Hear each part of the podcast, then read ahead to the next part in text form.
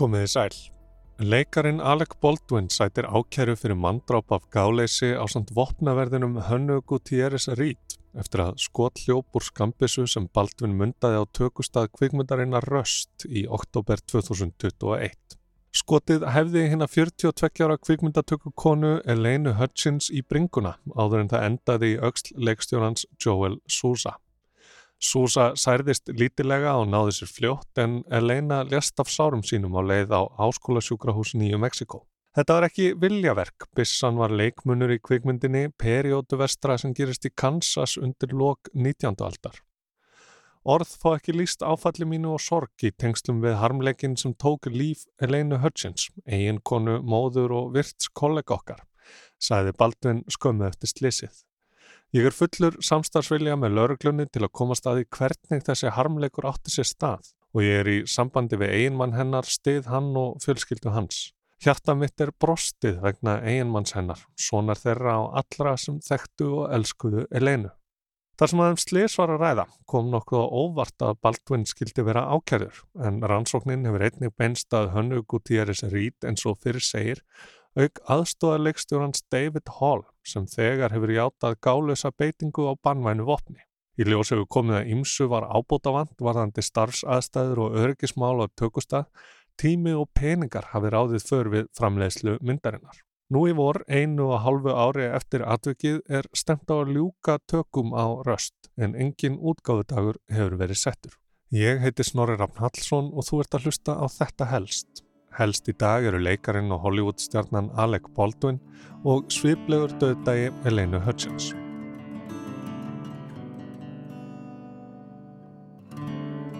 Alec Baldwin sem réttu nafni heitir Alexander Ray Baldwin III fættist hann 3. april 1958 í Amityville í New York fylki.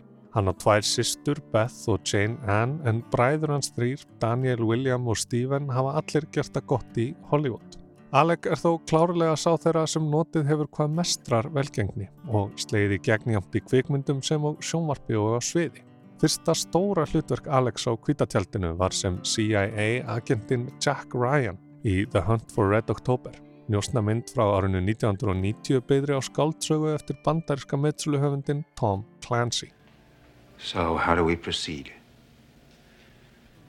Well, first we would need to contact the commanders in the Atlantic directly.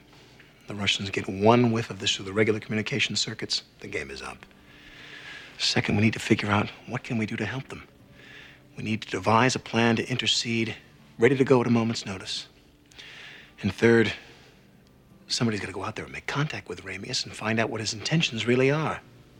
Okay, when do you leave? Wait a minute. Ári setna leikar á móti Kim Basinger í The Marrying Man. Þau fóru að slá sér upp saman, giftu sig 1993 og egnuðist eina dóttur, Ireland, áður en þau skildu árið 2002. Baldwin hefur leikið í tugum kvikmynda og sjónvastátta á sínum ríflega 40 árum í bransanum. En í setni tíð er hann sennilega þekktastur fyrir hlutverk sitt sem Jack Donaghy í grínþáttum Tínu Fey, 30 Rock, sem síndir voru á NBC á árunum 2006 til 2013. I want to hold your hand, Lemon. Yikes. This is a perfect example. You have a million dollar view, and you refuse to acknowledge that there's a whole world out there. Oh my. There appears to be a gentleman making passionate, angry love to himself. Yeah, I know. That's why I closed the blinds in the first place. Hinn valdagráðugi sjónvarps og örbylgjófnastjóri Donaghy var fullkomið mótvægi við personu Tínu Fey, handritsöfundin Les Lemon og hlaut Baldwin tvenn Emmy-velun, þrjú Golden Globe og sjö Screen Actors Guild velun fyrir framistöðu sína í þáttunum.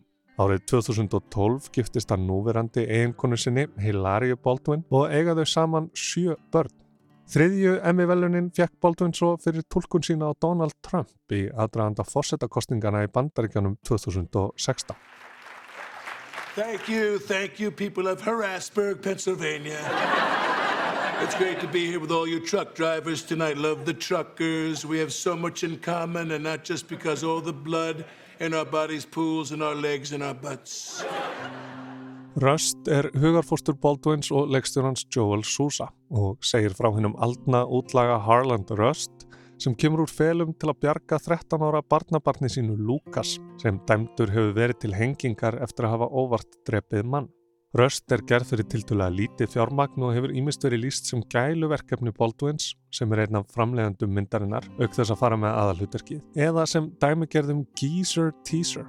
Geezer Teaser mætti þýða sem Karl Uglu Ræma, gerðnan klísukjönd hasarmynd með frægum leikara í aðal eða auka hlutverki. Þær eru unnara á stuttum tíma, fara ekki í bíó heldur beint á streymisveitur sem hungra sífælt í meira efni og Karl Ugluræmur verða sífælt vinsætli hjá leikurum sem nálgast eftirlauna aldurinn en hafa enn nokkuð aðdráttarafl. Þeir fá nokkuð vel borgað fyrir litla vinnu, jafnvel ekki nema einn eða tvo daga ef hlutverkið er smátt og geta þá bara notið lífsins á milli mynda. Karl Uglurnar sem flestir kannast eflaust við eru Bruce Willis, Nicolas Cage, Steven Seagal, Sylvester Stallone og John Travolta sem allir hafa stundað þetta undan farin ár. Tökur á Röst hófust í Bonanza City í Nýju Mexiko 7. oktober 2021 og áttu að standa yfir í þrjár vikur. En fljótlega fóru kvartanir að berast frá starfsliði myndarinnar. Tökudagar geta verið langir og erfiðir en hótelherbergin sem þeim var útlutað voru í klukkutíma axtusfjarlægt. Suma daga hafði fólk því aðeins örfár klukkustundir til að sofa og dæmi er úr Hollywoodum að fólk lendi í bílslisum vegna þess að það sé of þreytt við axturinn. Auk þess bárustu launagreislu senkt, COVID-reglum var ekki framfyllt sem skildi og öryggismálinn í ólestri. Sérstaklega hvað var það í bissur og átti það eftir að hafa alvarlegar afleggingar. Að morgni 21. oktober voru sjö meðlumir tökulegsin sendir heim vegna ágreinings við framlegendur. Á meðan nýtt heimi var útvegað töfðust tökur. Vopnavörðurinn Hanna Gutierrez Reed hafði sótt þrjár bissur í læstan vopnaskáp, gengi úr skuggaðum að þær væri ekki hlaðnar og stilt upp á vagn, tilbúnum til notkunar við æfingar og tökur. En svo verðist sem einhverjir hafi drepið tímanna meðan tafirnar stóðu yfir með því að skjóta úr bissunum á tómar bjórdósir. Eftir háttegislið voru bissurnar komnar aftur á sinn stað. Gutierrez Reed á að hafa farið snögt yfir bissurnar aftur, aðstóðarleiksturinn David Hall greipið kolt skambissuna og lísti yfir að hún væri köld áður en hann færði boldunana til að nota við æfingar á skotbardaga atriði inni í kirkju. Að bissa sér köld merkir að í henni séu engin skot, engin púðurskot eða nokkuð annað sem geti valdið skada. Í atriðinu átti Baldwin að taka bissuna úr slýrinu og beinaði myndavilni. Elena Hutchins og Joel Sousa stóðu við skjá og sáu að það þurfti að færa myndavélina örlítið til til að losna við óæskilegan skugga. Og meðan þau fundu út úr því útskýrði Baldwin fyrir þeim hvernig hann hegðist taka bissuna upp. Svo ætli ég takit ekki svona, drægi bissuna út og bang! Hutchins took a lethal shot to the chest, while Souza, who was standing behind her, was wounded in the shoulder. Þegar bissan var tekin úr slíðrinu hljóp eitt skot af fór í gegnum brjóstkassa Hutchins og endaði í auksl Súsa. Fyrst gerði fólk ráð fyrir að púðurskott hefði farið af og einfallega hefði liðið yfir Hutchins en þegar hún sagðist ekki finna fyrir fótunum ringdi skriftan Mamie Mitchell undir eins á neyðalínuna. Uh, Bonanza Creek Ranch has had two people accidentally shot on a movie set by a prop gun. We need help immediately. Bonanza Creek Ranch, come on. Súsa var útskrifaður af sjúkrahúsi morgunin eftir en Hutchins lest af sárum sínum 42 ára að aldrei. Hutchins fættist 10. april 1979 í Horodets í sovjasku Úkrænu. Hún fekk snemma áhuga á kvikmyndum, lærði bladamennsku og vannað heimildamindagerði í Östur-Evrópu áður en hún flutti til Los Angeles til að snúa sér að kvikmyndagerð. Fyrstum sinn var hún framlegandi en skipti svo yfir í kvikmyndatöku við góðar undirtektir. 2019 útnemdi tímaritið American Cinematographer hana sem einn af tíu upprennandi kvikmyndatökumönnum í Hollywood sem væri þegar farnir að láta til sín taka. Í kjölfarið vann hún að myndum eins og Darlin, Arch Enemy og The Mad Hatter áður en hún var ráðinn til starfa við röst. En Hutchins er ekki svo fyrsta til að látast af skotsárum við gerð kvikmyndar. Jesus Christ. Stop me if you heard this one. Jesus Christ walks into a hotel.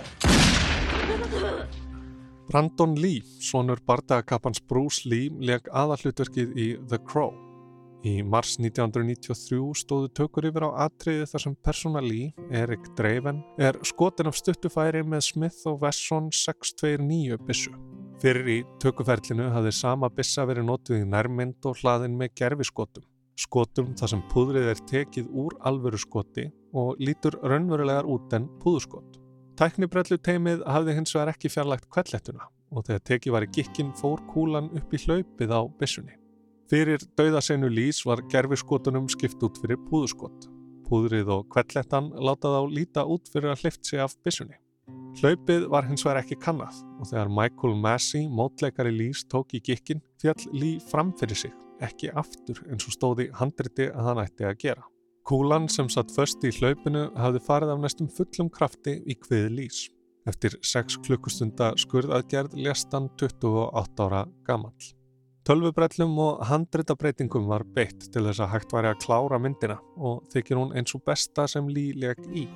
Eftir slísið voru reglur og verkferðlarum meðhöndlun skotvopna í kvikmyndum hertar.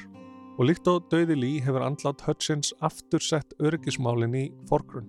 Rætt hefur verið um hvort alvöru skotvopn eigi yfir höfuð heima á tökustaf og hafa stéttarfílu kvikmyndagjana manna tekið upp þá umræðu.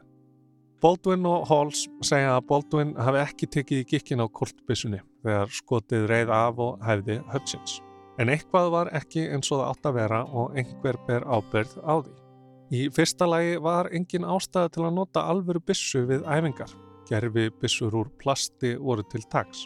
Mart bendi svo til þess að óvarlega hafi verið farið með skotvopna á svæðinu almennt, eins og það að aðrir gáttu leikið sér með bissurnar fyrir um daginn og það með alvöru skotværum og tvö slísaskott höfðu þegar átt sér stað fyrir í tökuferlinum þess að nokkuð væri aðhafst. Þar á Halls stóran hlutað máli sem aðstór leikstöri ber hann meðal annars ábyrð á örgismálum þótti hann ekki taka það hlutverk nægilega alvarlega og var hann til að mynda rekin úr myndinni Freedom's Path 2019 eftir að óvænt hljóp skot úr bissu sem allir starfsmanni minni hátar meðslu. Áður en hann lísti bissuna kalda og færði Baldwin hefði hann átt að fullvisa sig um að svo væri. Og svo er það vopnavörðurinn Hanna Gutierrez Reed. Our guest for today is uh, Hannah Reed. She is an armorer in Hollywood. Hi Hannah, how are you? Hi, I'm great. How are you guys? Hún var ung og óreind. Þetta var einungis hennar önnur mynd sem aðal vopnavörður og í hlaðvarpsviðtali hafði hún lísti hvernig henni þætti ennþá óþægilegt að hlaða bissur púðurskotum. I think the best part about my job is just showing people who are normally kind of freaked out by guns like how safe they can be and how yeah. they're not really problematic unless put in the wrong hands. It's a tool. Hals játaði sinn þátt í málinu. Við kendi að hafa sínt af sér vítavert gálesi með því að ganga ekki úr skugga um að bissan væri í raun og veru köld og hlaut fyrir það 6 mánuða skilórsbundin dó. Í janúar á þessu ári, þegar tökur á röst áttu að hefjast á ný, var Baldwin og Gutierrez Reed hins vegar byrt ákjæra. Sakargiftirnar manndráp af gálesi. Baldwin hafði þá þegar gert samkómulag um skadabætur í engamáli sem fjölskylda Hutchins höfðaði gegn honum og sem hluti af því er Matthew Hutchins, eiginmaður Eleinu, nú einn af framleiðandum röst. Verði Baldwin og Gutierrez Reed fundin seg af domstólum gæti þau átt yfir höfði sér alltaf eins og hálsárs fangelsisvist. Alec Baldwin hefur tjáð sig nokkuð um málið, mætti í löng viðtöl líst eftirsjá, sorg og yðrun. Þetta hafi verið hrikalegt slis sem ekki hefði átt að eiga sér stað. I mean, even now, I find it hard to believe that. It just doesn't seem it doesn't seem real to me. You haven't said much in public since that tragic accident. Why speak out now? I think the big question, and the one you must have asked yourself a thousand times, how could this have happened? It wasn't in the script for the trigger to be pulled. Well, the trigger wasn't pulled. I didn't pull the trigger. So you never pulled the trigger? No, no, no, no. I, I would never point a gun at anyone and pull a trigger at them. Never. You said you're not a victim, but is this the worst thing that's ever happened to you? Yes. Yeah. Yeah. Because I I I think back and I think of what could I have done. En þegar kemur að sekt Baldwins hafa lögfræðingar hans farið í hart gegn ríkinu og verðist málsvörð þeirra ætla að bera nokkur árangur þó réttarhöld séu ekki hafinn. Andrea Rýp hafði verið skipuð sérstakur saksóknari í málinu og fól ákjara hennar meðal annars í sér að Baldwin hefði gerst segur um að eiga við bissuna sem hefði þýtt að lámarkstómur væri fimm ára fangelsi, ekki bara alltaf eitt og hálft ár. Þar hafði Rýp þó farið örlítið fram úr sér. Lög þess efnis tók ekki gildi fyrir en sex mánuðum eftir dauða Hutchins og þurfti hún því að falla frá þeim leið ákjarunar. Einni getur einst erfitt að sanna að Baldwin hafi tekið gikkin á bissunni því hún verðist hafa orðið fyrir skemdum við rannsóknir FBI. Í februar fóru lögmenn Baldwin svo fram á að Rýp stegi til hliðar. Það stæðist ekki stjórnaskrá Nýja Mexiko að Rýp væri í senn hluti af dómsvaldi ríkisins sem saksóknari og löggefavaldi þess sem nýkjörinn þingmaður republikana í fulltrúadeld Nýja Mexiko. Áður en til þess koma að dómari tæki afstöðu til þess varð Rýp við þessari bón. Aðteglinn ætti að vera á því algjöra skeitingaleysi kakvart grundvallar örgisráðstöfunum sem leittu til dauða Hutchins, ekki hennar eigin personu. Ekki er vitað hver tekur við af rít eða hvort það sé eftirsóknavert starf. Málið verðist standa veikum fótum en innan skams hefjast tökur á röst að nýju. Einu og hálfu ári eftir að kvikmyndatökukonan Helena Hutchins lést af sárum sínum eftir slísaskot á tökustaf. Þetta var helst af Alec Baldwin og dauða Elinu Hutchins. Ég heiti Snorri Rapp Hallsson og þakka áhengina.